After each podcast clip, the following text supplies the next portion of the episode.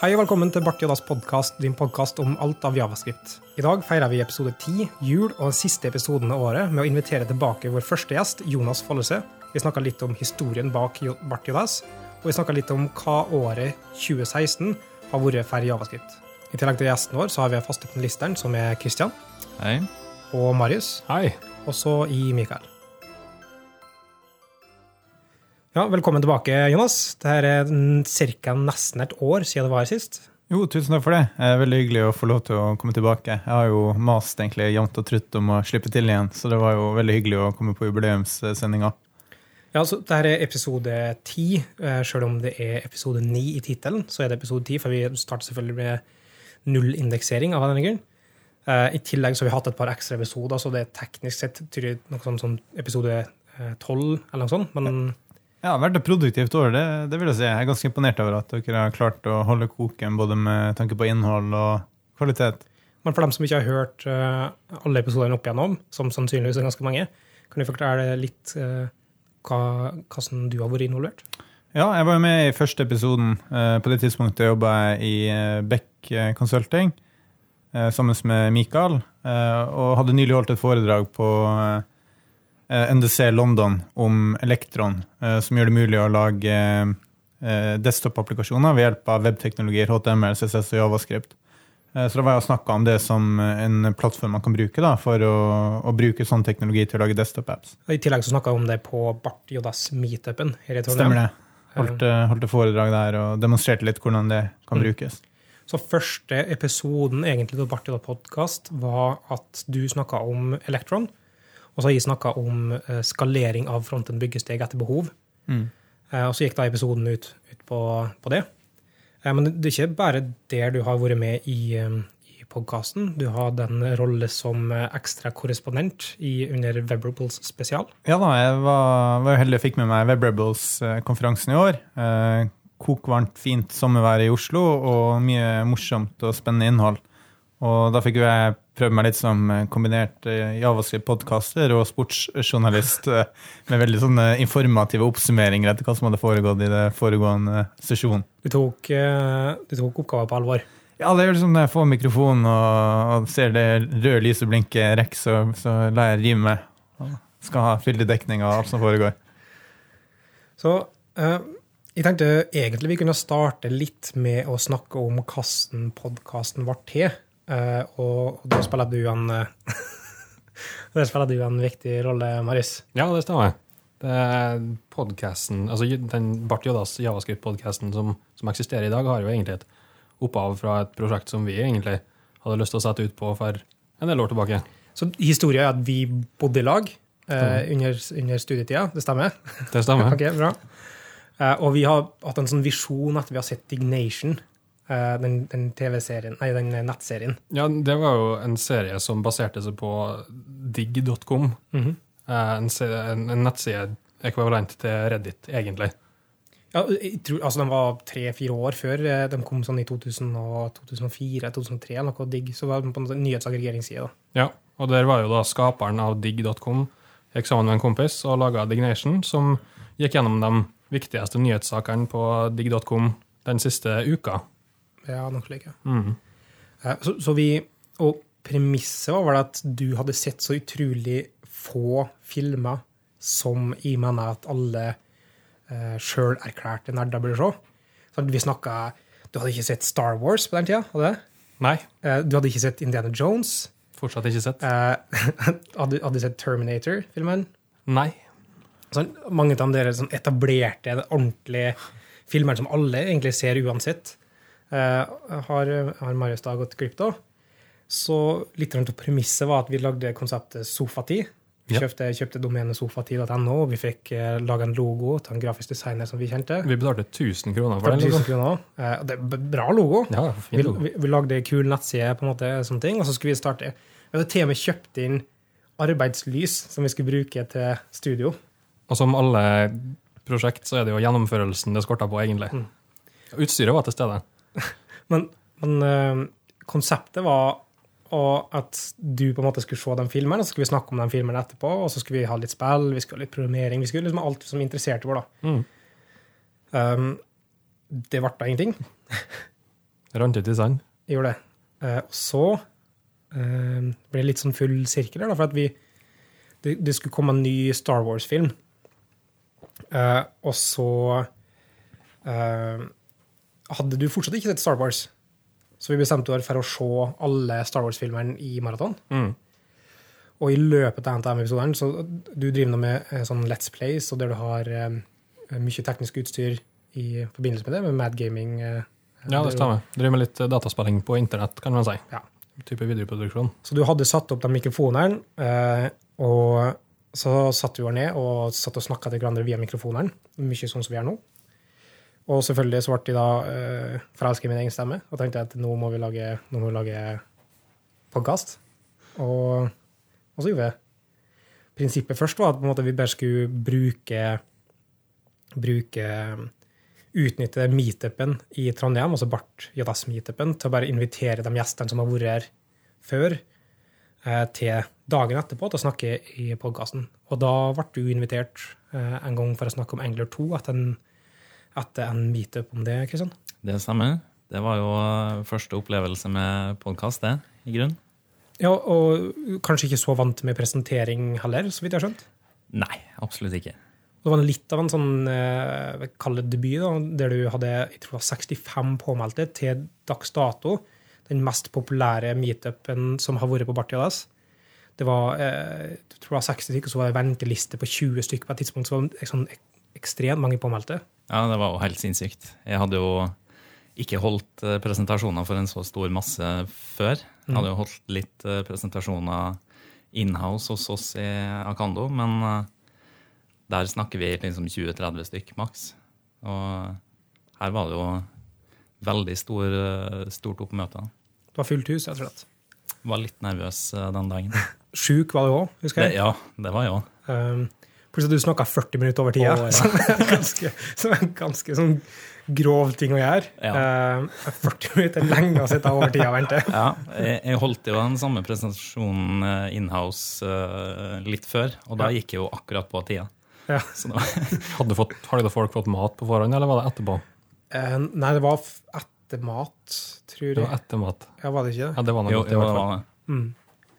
Nei, det gikk fint, altså. Men eh, eh, det er nok kanskje den største overtredelsen av tid som jeg har vært med på. Ja, det var nok det. Hvordan var det å, å spille en podkast første gangen Nei, etter det? eh, jeg var jo litt nervøs da òg, ikke sant?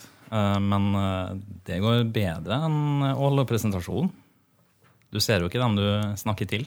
Så. En ting som vi har fått hørt, og det høres kanskje eh, altså Det er vanskelig å tenke seg det når du hører podkasten. Men delte vi har hørt, ofte at folk blir imponert over hva slags utstyr vi har, at det ser ordentlig um, proft ut når du kommer inn her. Uh, og det har du kommentert flere ganger, Jonas, når du kommer inn og ser Ja, så mm, Det ser ut som du kommer inn liksom rett i P3 Morgen-studioet. Uh, du har liksom Mikael som Ronny der, og så har vi liksom Silja på andre sida. Så det, du får liksom radiofølelse når du kommer inn og proffe sånne lampett-greier foran mikrofonene, og veldig bra kvalitet på alt. Ja, Og det gjør jo at det er gøyere å være med òg. ja, det føles litt mer ordentlig, da. Ja, og så blir det et bra sluttprodukt. da. De får redigert bort alt eh, det tullete man sier, og så klippet det i hop så det høres interessant ut.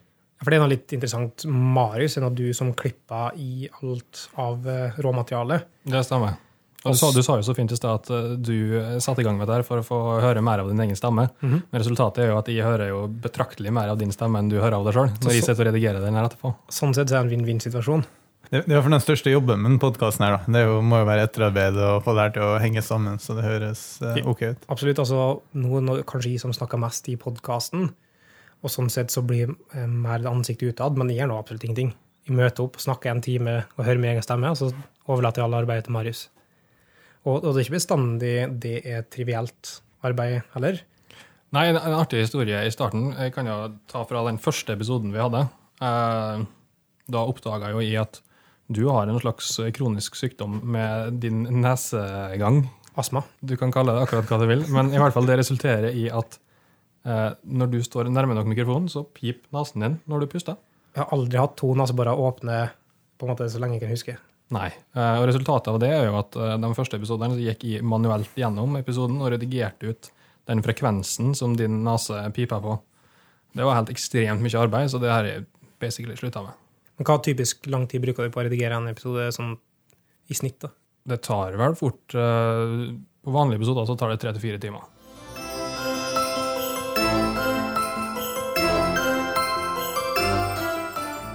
Som med mye annet så har 2016 vært et ganske stort år for Javascript. Det har skjedd mye. Um, og, så vi tenkte vi skulle ta nå på slutten av året, se litt tilbake og trekke fram et par ting som har på en måte utmerka seg. Det har vært på et konseptuelt plan, uh, kanskje store trender eller store ting som har skjedd i uh, javascript-verden og omheng. Og det første jeg tenkte å snakke om der, er at selv om vi har hatt på en måte litt sånn bølger gjennom de siste fem åra, så har nå vil jeg påstå at transpilering av javascript har blitt allemannseie. Det er nesten ikke et prosjekt som blir satt opp nå som ikke transpilerer på en eller annen måte, enten det er fra Babel, eller det er fra TypeScript eller Flow, eller eh, andre språk som Elm, PureScript, ClosureScript osv. Eller om så bare for liksom det å ha et, et byggesteg imellom der du transformerer koden om så å bruke modulsystem eller å minify eller kombinere javascript-filene, så er det et eller annet maskinelt steg involvert. Eh, Det er veldig sjelden du gjør prosjekter der du bare har script tags og, og laster filene direkte. Og Så det er, det er liksom blitt allemannseie, da. Det er Ja. etablert. Buggesteg føler jeg har vært en etablert eh, ting egentlig, på en måte, egentlig fra 2004, der du konkatenerte filene, enten om du gjorde det via scriptbundles i .net, Mm. eller du gjorde det via egne byggesteg i Javascript eller Ruby uh, require-opplegget osv. Men nå på en måte Tidligere så var det sånn, sett ganske mye ned på å transpilere kildekoden din, Mm. og det var en del usikkerhet rundt det. Men nå så er på en måte alle bare akseptert at ok, det er det vi driver med. Det er vel litt det der at når du har et maskinelt byggesteg og ikke kan ha et direkte forhold til filene dine, så må du fort ha source map, og må du ha source map, så har du allerede liksom kobla deg litt løs fra de fysiske filene på disk, eh, og da er kanskje ikke steget så stort å kanskje prøve ut et annet språk, kanskje prøve ut en nyere eh, ECMAScript-standard, Mm. ny syntaks, eh, når du uansett allerede har etablert det. Det andre jeg føler som har kommet, kanskje, er jo det at eh, man har standardisert mer på samme verktøy for bygging, kombinering, transpilering. Eh, det- Der Node brukes både på jvm.net, eh, NodeJS eh, og flere plattformer, da, som gjør at flere bruker samme tools ofte da, for frontend-programmering. du samles i hvert fall rundt en plattform rundt det. da. Mm. Tidligere så har alle hatt sin egen løsning. Og det har vært egentlig sant ganske lenge. Eh, Det starta litt før 2016. Men, men det er jo først for i- på .net-sida, som jeg kjenner mm. kanskje best, så er det jo eh, først med ASP.NET Core at man virkelig har gått over og embracet MPM og mm. Node eh, som byggesteg for frontend-kode, mens man tidligere hadde egne .NET-varianter av less-kompilering, TypeScript-kompilering osv., mm videre mens nå har man på en måte mer sett at ok, det kan vi overlate til Javascript-community og, og bare bygge videre på det som finnes i Node-verden, istedenfor å prøve å reimplementere det i .NET-verden. -hmm.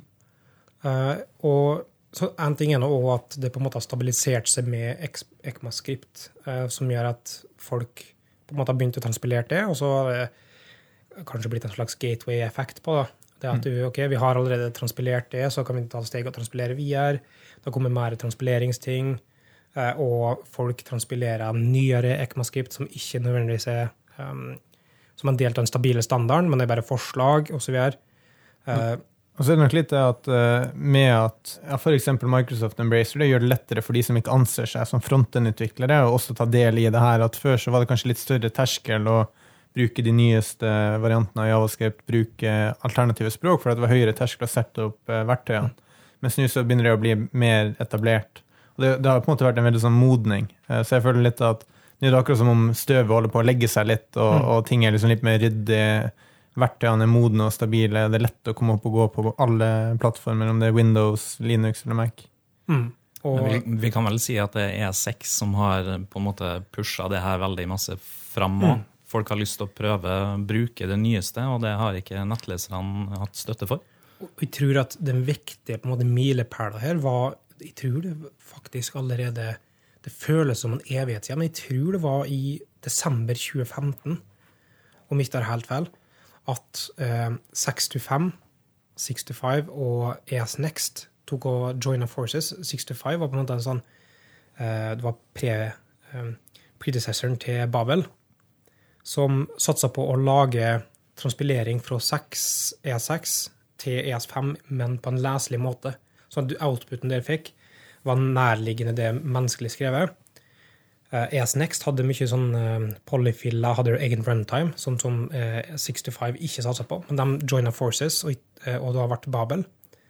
Eh, og jeg tror det egentlig først var i desember 2015, men det føles ut som ganske lenge siden. Vi føler at vi har hatt Babel ganske lenge. Men jeg tror de har på en måte eh, gjort det på en god måte, som har ført til at det har kunnet blitt bygd opp på det. da. Og at de har en sånn generell transpileringsmotor med AST-transformering, altså abstract syntax transformering, som gjør at du, den er såpass extendable at det har tillatt dem å bygge mye opp på der. Ja. Jeg føler også at eh, React Community kanskje har vært litt eh, mer hypp på Babel og transpilering enn andre communities. De har jo på en måte anbefalt det veldig hvis du skal bruke den JD6-syntaksen, for eksempel. Hvis du da prøver ut eh, React, så blir det veldig fort på en måte guida til å få inn et transpileringssteg for JD6-koden. Og, og når du da har satt det opp, så er jo veien videre da kortere. da. Og det, det er et viktig poeng, tror jeg, at mye, mye eksempler nå er i ES6. Og det sprer seg ut i form av det, og folk føler de må ha det for at eksempler er i det. Mm. Um, og, men, men det er ikke bare React, sånn som Angler 2 bruker å TypeScript i utgangspunktet. Ja, De har jo egentlig gått, eh, gått et steg lenger enn React eh, og bruker da TypeScript som sitt språk, egentlig. Mm. De har koda hele Angler 2 i, i TypeScript, og så de støtter jo ES6 og ES5 Mm. også, men eh, det er jo på en måte en anbefaling å bruke TypeScript. da. Det er, jo- det er jo egentlig en god intro til på en måte en annen trend man har sett begynte å komme litt i 2016. Det at uh, man f.eks. i Angler har valgt et språk som bedre lar deg utnytte det rammeverket. At du får en bedre utvikleropplevelse med å bruke TypeScript mot Angler. Mm. Uh, man har sett litt uh, samme tendens f.eks. med Elm, som bruker et etablert pattern, men som du får enda mer utbytte av med å også bytte programmeringsspråk. Altså du får et programmeringsspråk som bedre legger seg opp mot uh, det design-patternet som, eh, sånn type React Redux-pattern. da. En ting jeg har eh, tenkt litt på i det siste, at vi ser en slags eh, spesialisering i språkvalg på frontend-plattformen. Altså, du går vekk fra en sånn Kall det en slags monolitisk tankegang, der du skal ha alt av frontenden din i samme base, men der du kan kanskje se at du kan løse subproblem, i og med at du har, du har alle transpilering, du har litt på en måte eh, motoren for å sette i gang sånn type steg, via eh, byggesteg osv. At terskelen for å ta inn eh, ta steget vi er til språk, at det blir så nærliggende at du kan på en måte se at ok, i den delen her til applikasjonen, den gir det gevinst å løse i et språk som funker på den, den har den og den semantikken. Eh, I den andre delen så har det den og den verdien, så, sånn at du kan mikse kodebase med forskjellige språk. også. tror jeg gir veldig mening. Altså Et av de siste prosjektene vi gjorde eh, på Beck sammen, Mikael, var jo det litt sånn at deler av applikasjonen var mer sånn typisk eh, single page med veldig rik uh, funksjonalitet på klientsida, mens andre deler var jo mer type informasjons- og innholdssider. Og da er det ikke gitt at hele applikasjonen burde lages som én stor single page-app. Da kan du kanskje bruke én teknologi, et sett med rammeverk på noe, og så kan det jo godt være at eh, vanlig statisk HTML med jQuery eller annen form for dom-manipulasjon kan være mer enn godt nok. Eh, Så det å ha et litt mer sånn ikke alt eller ingenting-tilnærming da, til eh, fronten-rammeverk og biblioteker, er nok også noe som har blitt kanskje litt mer vanlig. Mm. Eh, Du snakka litt om, om, om eh, Elm og TypeScript videre. En annen ting som vi har sett, er eh, Og det det er ikke bare i frontend-verden, men eh, sett ganske tydelig i frontend-verden, er at eh, mm, det har blitt en utbredelse av funksjonell programmering. Eh, Og det er kanskje enkelt for meg å føle at det har spredd seg ut fra frontenden. Mm, eh, At på en måte fokus har blitt det, men det, jeg tror kanskje, jeg vet ikke om det har skjedd utafra og inn, eller innafra og ut, eller Jeg tror ikke det er en, eh, en eh, upresis kanskje antakelse, det. Altså, det som er med fronten, er at du ofte står litt friere. Eh, Backend-programmerere er ofte litt mer kanskje satt av I hvert fall når man tenker mer sånn enterprise software, da, så jobber du kanskje i et større økosystem. Du jobber innenfor arkitekturrammer og plattformer som er valgt av organisasjonen du Mm. jobber i. Eh, Mens i fronten så har man på en måte fått seilt litt eh, sin egen sjø. og man allerede hadde javascript som i utgangspunktet har vært godt egnet for funksjonell programmering, og så har man bygd videre på de tingene, og man har lettere kunne prøvd ut nye ideer, mens det er kanskje vanskeligere å switche til F-sharp eller skala på serversida. Produkteieren har på en måte ikke like stor eierskap til det som foregår typisk på frontend-sida. Sånn at um, de uh, ikke er like involvert i avgjørelser som skjer på det nivået, for det er kanskje litt mer fjernt ofte, tradisjonelt vært. At det er på en måte så mye koding på frontend-sida, eller hvordan det foregår, og at du kan bruke sånne språk. Ja, det er nok litt det vi kanskje diskuterte for en del år siden, da, at man ikke så på frontend-programmering som på en måte ordentlig programmering. Mm. Det var litt sånn annenhåndsgreier. Noe man på en måte slengte i hop eh, uten enhetstesting, uten modulsystemer, uten kvalitetskontroll, og så levde det sitt eget liv mens det var på backen. Vi skal jobbe seriøst. Eh, men mm. faktum er jo at det kanskje er vel så mye kode i fronten, og man har ja, sett et veldig sånn skifte på det ene. Altså, eh, at Det skiftet har da skjedd for en del år siden, sånn sett. Ja, men sånn, Jeg tenker mer på liksom mm. modenheten. da, At ja. man er innafor fronten nå har fokus på mm. funksjonell programmering, enhetstesting, bygging, kodekvalitet, eh, modul, eh, modulære systemer. Det er en del år siden vi har begynt å flytte mer og mer over til tjukke klienter, der det skjer mer og mer på en måte kodehåndtering på frontenden som gir behov for arkitektur, som gir behov for egne patterns, som gir behov for mye sånn mm. strukturelle uh, grep. Med det så har det på en måte kommet fram at det er ikke sikkert MVC er det beste patternet å bruke i frontenden. Uh, sånn først det jeg, prøver, altså det jeg, prøver, ofte å kalle på en måte uh, andre generasjons rammeverk, altså type backbone, knockout, første angular og sånne ting. De prøvde å kjøre inn i en sånn Eh, MV-astrisk eh, type eh, arkitektur, Det er da modeller av view, så satte du collections eller view models, eller kall det hva du vil. Men i, i sånn 2013-perioden med React så endra du fokus på at ting ble sett mer som at jo faktisk, vi kan behandle ting som funksjoner og deterministiske, reproduserbare funksjoner, og plutselig så går du inn i en sånn funksjonell mm. tankegang der du har fokus på purity, og så ruller ballen fra der. Angular, Amber, alle de store rammeverkene går liksom i samme type arkitekturiske pattern som det. Og så på en måte sprer ideen seg om purity ja. og så videre ut ifra det. tror jeg. Altså, tror jeg også at på backend så har man nok vært litt låst av at man har hatt to alternativer. Det har vært Java og C-sharp, eh, som ingen av de er funksjonelt først type programmeringsspråk. Man kan bruke en del funksjonelle prinsipper i dem, men de er liksom mm. ikke det de er bygd opp rundt. Eh, så det har vært mye vanskeligere å prøve ut nye ideer. Mens eh, på fronten så man, liksom, man har ikke hatt én dominant kommersiell aktør, om det er Microsoft eller Sun eller Oracle, da, som har stått bak eh, den dominerende plattformen. Så det har vært mye mer sånn rom for open source og utforsking av ideer. Pluss litt med måten javascript er bygd opp på, da, rundt konseptet det har objekter, men det er ikke en klassisk objektorientert eh, måte å brukes på. Mm. Folk bruker liksom prototypeorientering, altså prototypearv, som en klassebasert arv, men, men altså det er ikke det den egentlig er bygd opp rundt. Det er mer funksjoner og callable objects og objekter som du kan passe rundt. Um, som gjør at det kan gi stor mening å bruke funksjonelle paradigmer i det språket. Mm. Da, så tillater at du kan skrive det på flere måter. Så det er kanskje, Hvis man skal på en måte oppsummere det vi har vært innom nå, så er det jo kanskje litt det at funksjonell paradigme, funksjonell programmering, har blitt litt sånn allemannseie i løpet av 2016 gjennom frontend-programmering. Eh, mange flere utviklere er opptatt av det, lærer om det, tar det i bruk, ser verdien av det. Og så får vi bare håpe kanskje at det smitter over også på serversideprogrammering, at man kan bruke de samme ideene og prinsippene også der. Mm. Men det tror jeg det har, og at vi kan, um, uten å gå altfor mye inn på det Men vi snakka litt tidligere uh, før, før, episoden du og Jon, om at Um, jeg tror Cloud har på en måte tillatt en sånn spesialisering eller valg mm. uh, der du løser spesifikke problem i forskjellige språk. At du ikke er avhengig av å passe inn i den sånn enterprise-kodebasen som du har hatt tidligere. da. Det er jo kanskje litt at man uh, bryter seg litt fri fra det der å ha en felles arkitektur, sterke mm. arkitekter som legger veldig mye føringer de sjøl ikke må kjenne konsekvensene av. Uh, det vi snakka om tidligere, var jo f.eks. Asher og Aspenet Core, der du fint kan liksom skrive deler av applikasjonen som uh, Node.js Webjobs, mm -hmm. som vi har gjort uh, på der jeg jobber nå.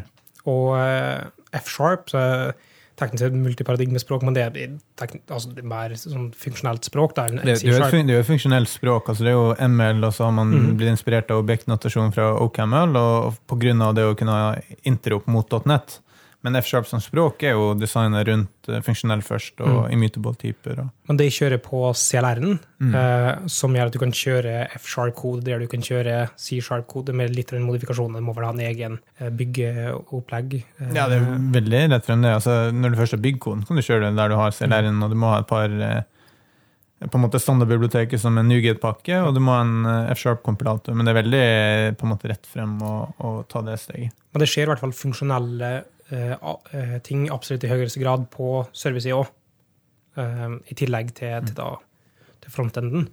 Eh, og det føles i hvert fall ut som det har på en måte gått innenfra fra frontenden og ut. Mm. selv om det er bygd på da liksom 30-40 år gamle prinsipper som, som vi nå ser etter. Kanskje det er en god idé eller, igjen. Mm. Eh, det, men det kommer nok til å fortsette mer, og, og som vi snakka om da, Elm, at det blir mer vanlig som et strikt funksjonelt språk. Um, blir mer vanlig å bruke, ta steget til enda mer liksom, på det tradisjonell funksjonalitet, eller funksjonelt språk. Mm.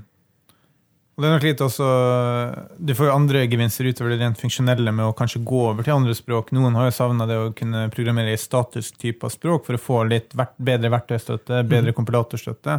Det er nok litt av grunnen til at Engler også har valgt å bruke TypeScript for å øke verktøystøtta man kan få. Eh, For når får du tilstrekkelig store kodebaser, så er det i hvert fall mange utviklere som savner det å kunne ha god refactoring, det å enkelt kunne hoppe mellom eh, definisjon og hvem som kaller koden, se hvor koden blir kalt osv. Jeg vet ikke, du har noe erfaring med det fra Jo, jeg, er en veldig stor fan av TypeScript uh, sjøl.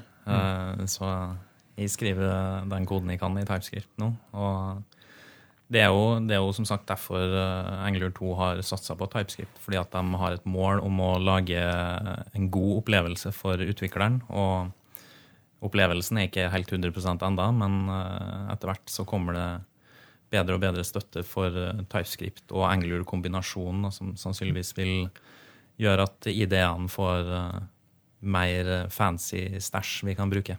Så i 2017 blir det da TypeScript og Elm, eller eh, ser du for deg kanskje andre språk, eh, Mikael? Jeg vet ikke hva du tenker. For det, det er jo det jeg er litt, jeg lurer litt på.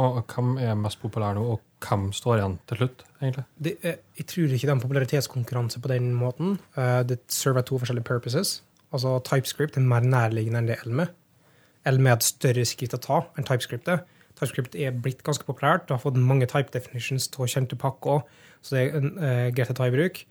En annen konkurrent her da, på en måte til TypeScript, som er kanskje mer direkte konkurrent til TypeScript enn Elm, er eh, Flow fra Facebook. Eh, og den har fordelen igjen, i motsetning til TypeScript, at den kan ta gradvis innføres i kodebasen din, eller du kan bruke den på deler som gir mer mening å bruke det, mens med TypeScript, så vidt jeg skjønner det, så må du på en måte ta en større grep i å eh, ha større del av kodebasen din som en del av det, hele stacken, på en måte. Um, tja, du kan jo eh, I TypeScript så, så trenger du faktisk ikke Det er jo slik at du kan, du kan rename den JS-fila di om til TypeScript, og så vil det jo kompilere. Med mindre det er feil inn, da. Um, men i og med at du ikke har lagt på noe typing, så vil det jo ikke komme noe særlig til feil.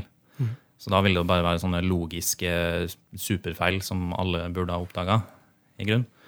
Eh, Men i tillegg så har jo TypeScript også fått støtte for eh, JS-kompilering, da.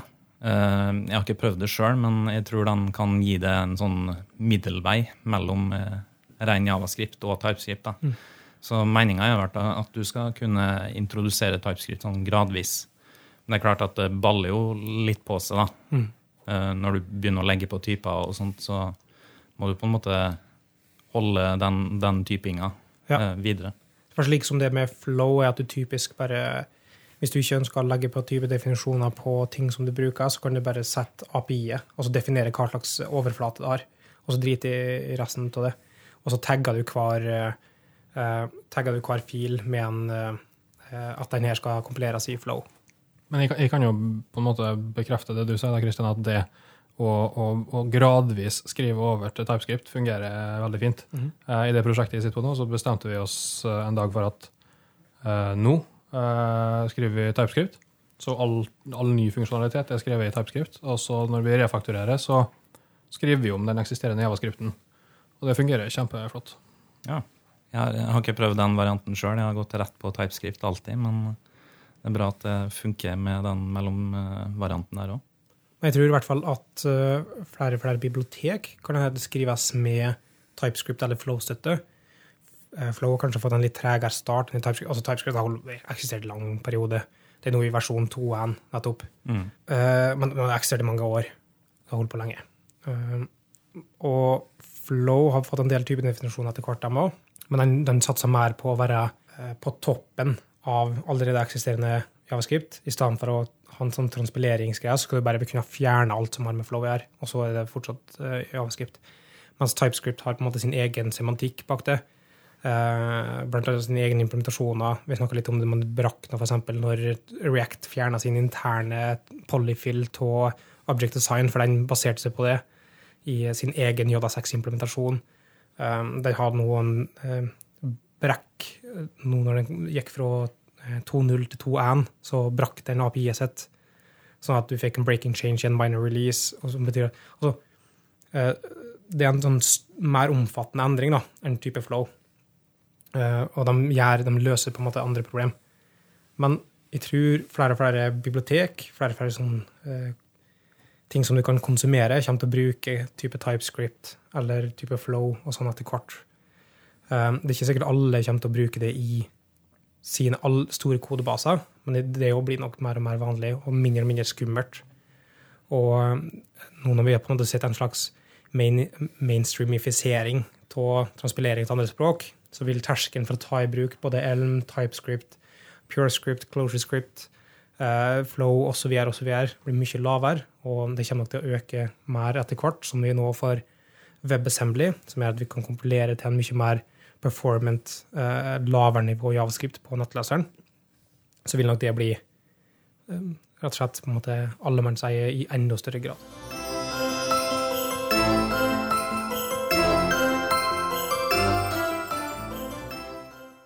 Så En ting vi jeg føler vi må innom, er hvis vi ser tilbake på 2016 som et, som et år innen javascript, er liksom den store myteoppspunne javascript-fatigue har alle på en måte fått med seg de greiene der? Altså, Røffelig fått med meg på en måte begrepet, og jeg vet jo du har snakka litt om det. Eh, Sjøl er det som ikke kjent eh, veldig mye på det. Altså, det er jo litt det der, eh, det var en periode det kom nye rammeverk eh, hver 14. Mm. dag, og det var om å gjøre den fineste landingssida, den søteste logoen og den mest eh, inviting getting started-demoen. og Masse hype, hopper på nytt rammeverk, og folk bruker tid å lære seg på det. Og så blir man liksom litt lei da, over at det hele tiden er noe mm. nytt, og ting er liksom ikke etablert og på plass. da.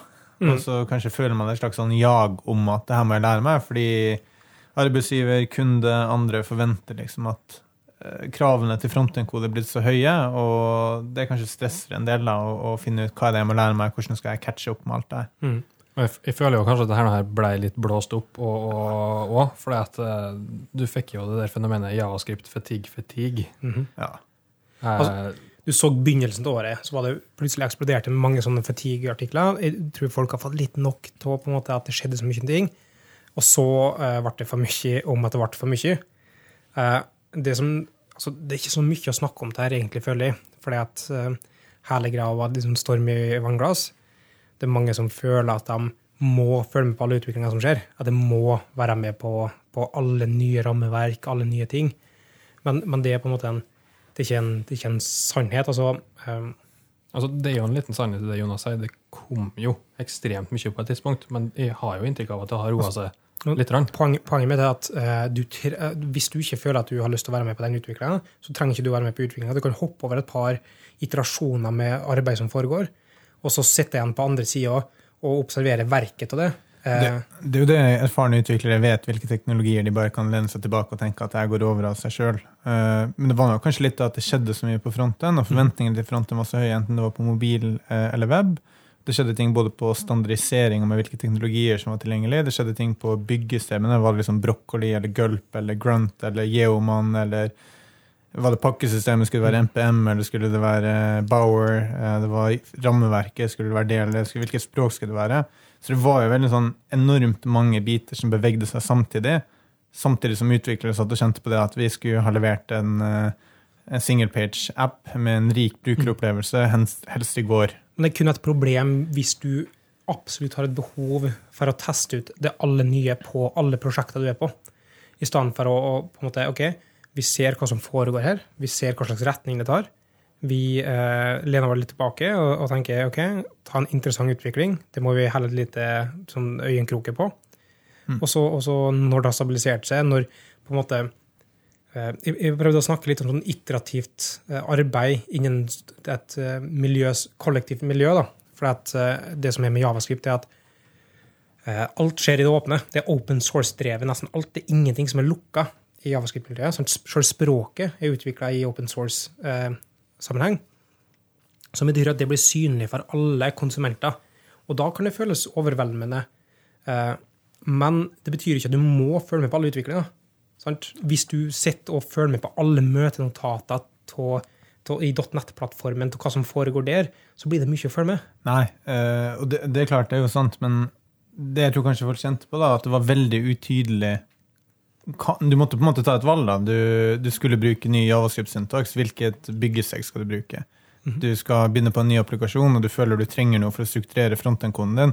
Skal jeg satse på det ene eller det andre. da. Det var ingen tydelige vinnere innenfor noen av områdene på en periode, så det gjorde at nesten hvilket som helst valg du tok, så satt du igjen med sånn, nesten sånn paradox of choice. Mm. At du følte du hadde gjort et dårlig valg. Eh, du valgte Gulf, kanskje burde tatt broccoli. Du valgte Angular, burde jeg satse på React. Eh, du valgte liksom du, Det tror jeg kanskje er en del utviklere som ikke er, har så god oversikt da, og er så primært frontend-utvikler. Noen som kanskje primært jobber med bekken, men nå forventes å, å jobbe med fronten, kjente litt på. Men uh, det går litt over av seg sjøl, sånne ting. Mhm. Teknologier kommer og går. Jeg har brukt eh, mange år på Silverlight uh, uten at uh, Det ble ikke så mye på tiga der, liksom, selv om det var litt bortkasta. For et stikk som jeg liker å gi til det, at det har vært MVP, altså Most Valuable Professional, professional innenfor Silverlight. Det var framtida i lang stund. Ja, det var liksom, vi satt jo og gjorde i 2004 det man prøver å få til nå i 2016. Eh, både mye raskere og mye nicere. Så det var, var bare det at det var en browser-plugin. Ideene var jo fine. Som du sier, så det, må det, jo, det må jo ha vært verst for dem som er ny innenfor Javascript, egentlig. Å skulle starte et nytt prosjekt. Kanskje mm. de ikke har en erfaren utvikler med seg på teamet. Mm. Og da, da, har det vært vanskelig å vite hva du skal starte med, for det er liksom ingen klare vinnere av noe sted. Det, både på bygging og på hvilket språk du skal skrive, og hvilket rammeverk du skal ha. Men er det en forventning du bør ha, at hva som helst nye folk skal komme inn og ta eh, på en måte infrastrukturiske valg i systemet? Det, altså, skal jeg komme som en helt ny utvikler og ta alle sånn varige valg og vite alt som er sånne Nei, eh, men det er jo det som har vært trygt med f.eks. Java eller .net. Altså, du har hatt en større pakke, da, mens i Javascript som du bygger hele bilen sjøl ut fra små byggesteiner. Og det gjør at det er større sjanse for å trø feil. Eh, mm. Mens i en del andre plattformer så kan du mer ta Du har på en måte opinionated rammeverk. Velger du Ruby on Rails, så gir det deg en tydelig retning på hvordan du skal gjøre det ting. Velger du .net, så får du tydelig guidance. Velger du Java, så får du det samme. Mens på Javascript-plattformen så har det vært mange som har slåss om å på en måte løse litt det samme problemet. Det har vært veldig mange som løser det samme problemet, uten at noen har vært tydelig bedre enn de andre. I tillegg så, i hvert fall noe jeg har oppdaga etter hvert, er jo at også Javascript og frontend-biblioteket er utrolig gode på å markedsføre seg sjøl, så du kan få inntrykk av at ting er liksom enten veldig stort eller veldig flott eller utrolig solid, og så er det bare det at de har en veldig overbevisende landingsside som kanskje består av flere linjer HTML og Javascript enn det lille biblioteket du faktisk ender opp med å bruke. Det er litt med tradisjon eller modenhet innenfor Javascript i open source-miljøet. De er på en måte vant med at det er slik det er ja, eller at det er folk fra fronten som har jobba mye med javascript, og de som jobber med fronten, ofte har et nærere forhold til hvordan ting ser ut, og mm. legger, legger mer vekt på det. Sjøl har jeg brukt de siste månedene på å lære meg liksom G-streamer, som er det dominerende streamingrammeverket for eh, video. Og der måtte jeg liksom sjekke er det her liksom, lever det prosjektet, eller døde det liksom i 2002? Mm. Men det er liksom det er totalt markedsledende, men sida ser ut som det liksom er lagd i Word, og så saves HTML med Times New Roman som font, og så WordArt som logo. Eh, så ingen frontend-programmerer ville liksom sett på det med et halvt øye før de hadde gått videre til noe som var mer shiny. Så det er nok også litt sånn her løp etter shiny ting eh, har nok vært litt av, og det kan man få fatigue av hvis du alltid skal springe etter det som ser fetest ut, de som er den mest overbevisende presentasjonen på en konferanse, eller den kuleste videoen som på en måte tvitres ifra veldig mm. tydelige javascript-folk. Mm. Og det er nå en egen diskusjon i seg sjøl, som vi ikke har tid til å gå inn på nå, men det er en eh, synlige profiler i et sånn type miljø som gjør at de får en ganske sånn tydelig posisjon og innvirkning på, på andre. Da. Eh, men eh, jeg tror òg det har noe med at folk føler seg obligert til å være dem som eh, er på front, og være dem som har testa ut det nyeste, for å kunne si at de har vært med på å teste ut det nyeste. Eh, For å få en slags sånn kredibilitet rundt det. Men jeg, og mener at kredibilitet vil komme for å eh, se på teknologi og at ok, vi ser det på en måte overordna målet med dette her. Og jeg ser hvor, hvor det er på retning hen, og så holder et lite øye med det, og så ser vi når det er modna og stabilisert seg. Og det virker som ting har gått litt over av seg sjøl. Det var for mitt Ja. inntrykk som ikke er så involvert i frontend-programmering. Jeg jobber jo egentlig sekundært med det, eh, og ikke har et veldig sånn her engasjert eh, Så opptatt av det. Og jeg føler jo nå at ting er veldig smooth. Det er liksom lett å NPM funker dødsbra på alle plattformer, det fins pakker for alt det trenger, det er lett å sy det i hop med liksom gulp og lite stress å komme i gang. Og det har gått over, og det bringer meg egentlig over på neste store tema som, som jeg tenkte vi kunne se på. At folk følte litt på det med at det var mye config, eh, og det er fortsatt eh, mye config-ting. Det er mange forskjellige config-filer. Men vi ser en, på en måte en slags motreaksjon til det, Det er at det blir mer opinionated eh, valg, altså det blir tatt valg for hva, hvordan du kan gjøre det, hvordan du kan starte. Blant annet så har Facebook React-gruppa kommet med en eh, Create React-app. Som eh, Det er ikke en boilerplate, det er ikke en, det er ikke en generator sånn som Yoman og sånne ting. Men det er at det er et ferdig sett med konfigurert ting å gjøre det på på en standardmåte med en standardstruktur. Og så kan du bare spinne opp en ny instans, litt sånn Rails-aktig eller whatever. Og så er det at folk på en måte har samla seg rundt én måte å gjøre det på i større grad etter hvert. Og det har, et, det har på en måte stabilisert seg den delen der. Og, og da kan du få sånn verktøy som tar de valgene ferdig. For, for det er liksom litt viktig å huske på at eh, de fleste er jo utviklere ikke for å jobbe på et javascript open source-prosjekt. De er utviklere for å løse problemer for folk, enten det er å lage nettløsninger, det er å løse forretningsproblemer, det er å selge produkter, hva enn det er. Så er javascript og javascript-biblioteker bare et verktøy for å nå et mål. Eh, Så, så utviklere flest bryr seg ikke så mye. De vil bare på en måte få løst problemet sitt. Eh, Så de er happy hvis de kan få gode verktøy som gir litt tydelig guidance. Derfor er det ekstremt viktig å lære seg javascript, og ikke lære seg abstraksjoner. Eh, Og bestandig kunne programmeringer som ligger til grunn for de prinsippene som vi bygger på. Det var liksom sånn words of wisdom fra en, fra en gammel mann på hjørnet. Eh, og så eh, vi går litt videre, da, at eh, vi snakka litt om React eh, og Create React App. En ting som vi føler har skjedd mye i 2016, er at Facebook har tatt over mye av den sånn open source-scenen til javascript-utviklinga. Tidligere så var kanskje Google ganske tydelig, eh, men React har ansatt kjempemange som på en måte profilerte folk, og de må pøse på med open source-prosjekt innenfor alt mulig. Det er testing-rammeverk, det er vanlig eh, rammeverk, det er eh, type-system, altså flow. Eh, de har på en måte hele stacken som de satser mye på open source-het. Det er jo ikke rart. Det er jo liksom et av verdens største selskaper som har verdens største nettside. Eh, Sånn at de, de som har mest behov for å ha gode verktøy som gjør at de klarer å skalere, sånn at de kan få flere utviklere til å jobbe effektivt sammen. Sånn at de har en sånn utrolig internt intensiv eh, for å lage gode verktøy. Og så er det et nytt selskap som er liksom etablert i en sånn type open source-verden. sånn at det er sannsynligvis en veldig sånn integrert del av utviklerkulturen der. Og det er jo ingenting som er bedre enn det for utviklermiljøet, da, som kan nyte godt av de her eh, verktøyene.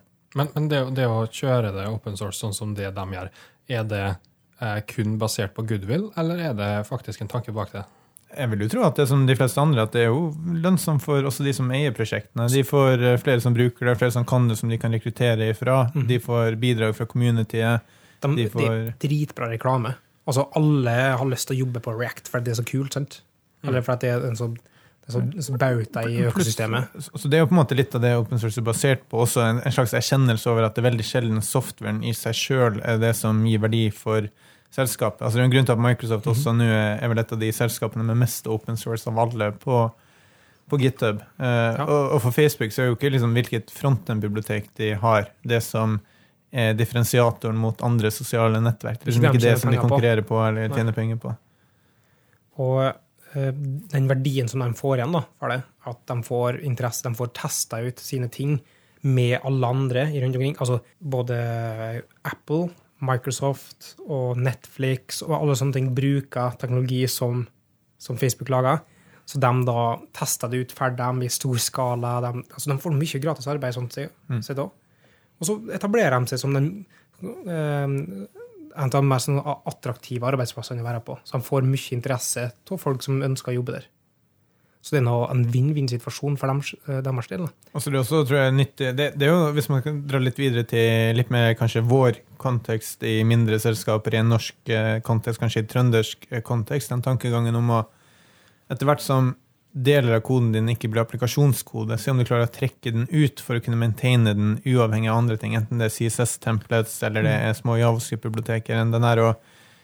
Jobber du på et .NET-prosjekt, ikke referer DLL-er i øst og vest, lag Nuget-pakker som du så komponerer sammen etterpå. Altså det handler rett og slett om det å kunne skalere utviklerteam, det å kunne versjonere og utvikle ting uavhengig av hverandre. Så hvis liksom Javascript-rammeverket Facebook brukte, var en del av Facebook-kodebasen, så ville det blitt en sånn skikkelig smørje da, og, å vedlikeholde det her. Og det tror jeg er noe som norske firmaer kan bli langt bedre på òg. Å se og anerkjenne på en måte det verdien til å gi ut ting som ikke er en del av kjernevirksomheten. Gi den ut som en del av open source. La andre være med på utviklinga av det. Og så får de da validert sine ideer på, på en sånn generelt plan i tillegg. Og, og om ingen bruker det, så det å open source det gjør at du må gjøre en del ting med kodebasen din. Du må abstrahere den bort fra selve applikasjonslogikken. Du må dokumentere det, du må få et eh, separat byggesystem. Så du får veldig mange sånne gode effekter. Hvis du kan bare NPM-installe dine egne moduler. Kanskje det er bare du som installerer dem, om det er via NPM eller, eh, eller Maven eller med, via Nuget. Uh, og kanskje det er bare du som bruker det, så vil du allikevel med å separere det på den måten få ganske gode sånne modulariseringsgevinster. da. Tvinge deg til å følge gode prinsipper og utvikle software på i utgangspunktet. Mm. Sånn, sånn tydelig oppfordring vi har der, er alle som jobber på prosjekt, eller for eh, produkteiere, er å tenke over å identifisere alt som kan la seg open sources eh, til å faktisk bare bli open source. At terskelen er utrolig lav for å gi det ut. Det meste kan den egentlig gi ut. Eh, så, så tenk på det når du sitter på prosjekt, og så snakk med dem som har myndighet til å avgjøre det, og få det pressa gjennom.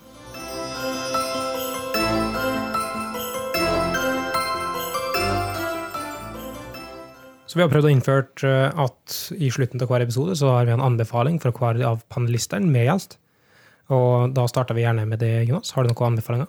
Ja, eh, det har tatt med kanskje litt på sida. Det er noe som heter for eh, Open Broadcaster Software, eh, obsproject.com. Det er jo kanskje litt mer opp i retning mot det Marius holder på med, men det er en, et open source-pakke som gjør det veldig enkelt å livestreame til YouTube, Facebook, Twitch eller andre streamingtjenester, der du kan på en måte ta en video fra webcamet ditt, ta en lyd, eh, screen capture og komponere det her til en scene, litt sånn på TV, og så kan du livestreame det rett ut på Facebook-sida eller på en YouTube-kanal. Og Det er jo ting som kan være aktuelt for eh, eh, Har du på en måte en sprint-demo du har lyst til å demonstrere for noen eh, som sitter i Oslo mens du jobber i Trondheim, så kan du bruke det her til å lage en ganske proff stream kun ved hjelp av open source software. Så det er noe vi i Blue Eye ser på til å kunne eh, livestreame dykking i fremtida.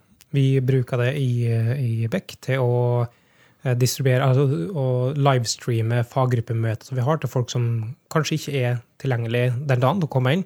Så får de fortsatt være med på møtet. Så vi tar opp alt, og så legger vi ut. eh, For du kan automatisk da persistere det til YouTube, f.eks. Sånn at vi har et arkiv av de forskjellige møter som folk kan gå og se på i ettertid. Så kult. Så, så her har man på en måte open source software som gjør det kjempebrukervennlig å lage proffe innspillinger, og så får man brukt ferdig streaminginfrastruktur på nettet. Så det er liksom veldig lett å drive din egen lille live TV-kanal. Eh, Det andre tipset er noe som heter for NOA, eh, som er The National Oceanic and Atmospheric Administration, som egentlig er da USA sitt havsvar på NASA. Eh, De bruker mye livestreaming av undervannsbilder fra ROV-ene sine. Eh, Tidligere i uka så satt jeg og så på livebilder fra 450 meters dyp utenfor Hawaii i forbindelse med 75-årsjubileet av Pearl Harbor-angrepet. Der vi var nede og dykka på en miniubåt, eh, som var de første skuddene USA gjorde under andre verdenskrig. Eh, Så hvis man følger de på Facebook, så har de jevnt og trutt livestreaminger fra ned til 3000 meters dyp eh, via nettet. Så det er også en sånn liten livestreaming-hav-oppfordring til å følge med på. Kristian, har du noe å anbefale? Yes, eh, Denne gangen her så har jeg lyst til å anbefale TypeScript. Eh, nærmere spe spesifikt eh, TypeScript versjon 2 og 2.1, for der har det kommet eh, veldig masse snacks.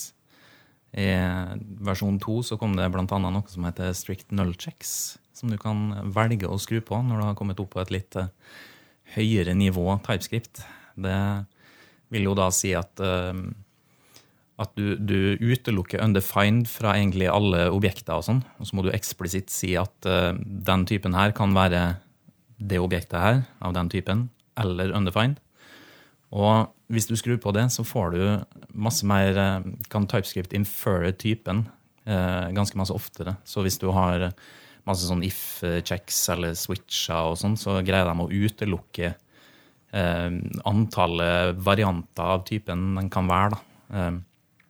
I tillegg så kom jo uh, TypeScript 2.1 nå her tidligere i u Ja. forrige uke, kanskje? Ja, et par dager siden, i hvert fall. Ja. Altså, noen dager siden. Og der eh, kom det endelig uh, downlevel async-funksjoner. Så nå kan du bruke async await ned i i hvert fall ES5, sikkert også ES3, uten at jeg har lest uh, om det. Tidligere så måtte du ha en ekstra funksjonalitet for å transpilere det, så vidt jeg forstår. Ja, det, jeg tror det er mange som har eh, kjørt uh, TypeScript og Babel sammen, bare for å få til liksom async og object rest og spread, som også kom i 2.1.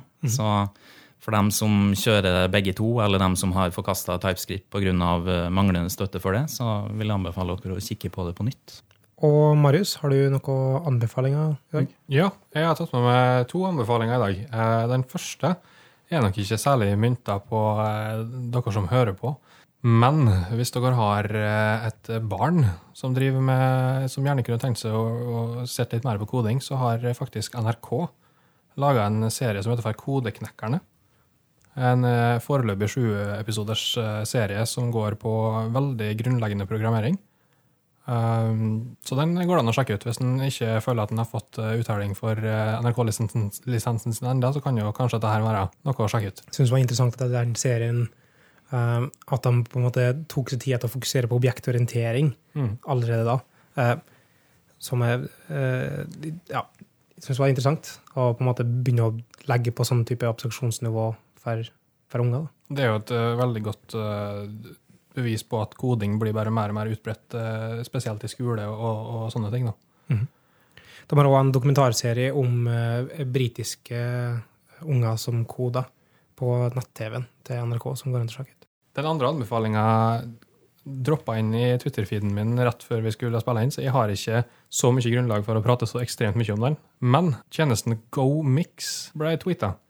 Det er en, en tjeneste der man kan se på det litt som GitHub, bare at man trenger ikke å forke, og, og man kan rett og slett bare åpne et eksisterende prosjekt i en live kodeeditor, og bare endre på ting og kjøre det, og teste ut, egentlig. Og man kan til og med importere eksisterende Git-repoer inn i GoMix. Og ikke bare det, men man kan livekode sammen med andre òg, eh, på forskjellige skjermer. Og veldig, veldig stilig eh, liten tjeneste som lar deg teste ut ting. da.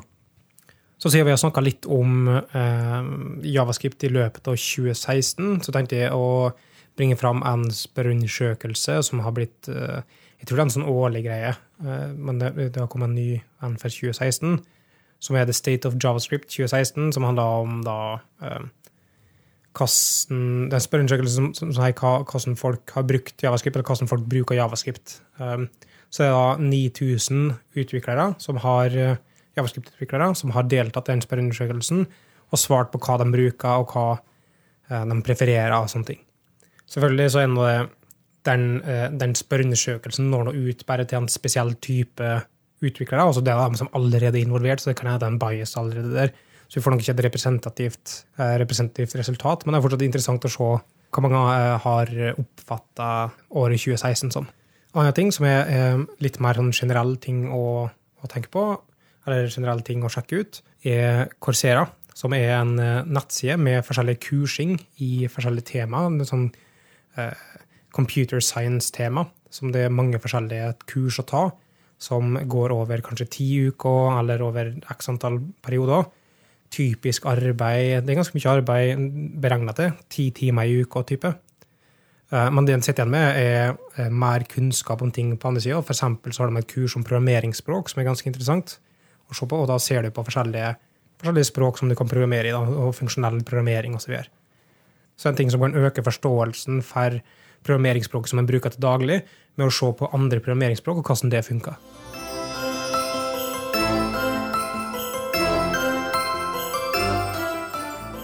Det var det vi hadde av Bart Jonas podkast den gangen her. Hvis noen har lyst til å kontakte det, Jonas, for å snakke om hav eller eh, om eh, roboter og droner, hvor kan de kon- kontakte?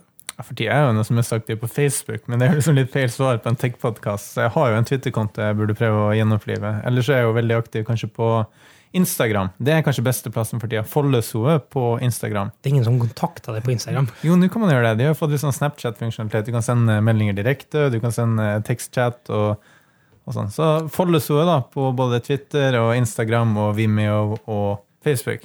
Og Christian, hvor kan de kontakte deg igjen? På Twitter på eh, brukernavnet at Larifax. Er det med X på slutten? Det er med X på slutten. Marius, hvis de har spørsmål om Bartiodas generelt, eh, eller eh, produksjon, eller har lyst på tips til hvordan de kan starte sin egen podkast, hvor kontakter de det?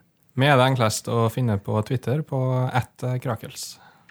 Hvis du har spørsmål om igjen, Bartiodas, eller har noe vi burde snakke om i podkasten, eh, kontakt at underscore Bartiodas direkte for podkasten, så ser både Marius i det.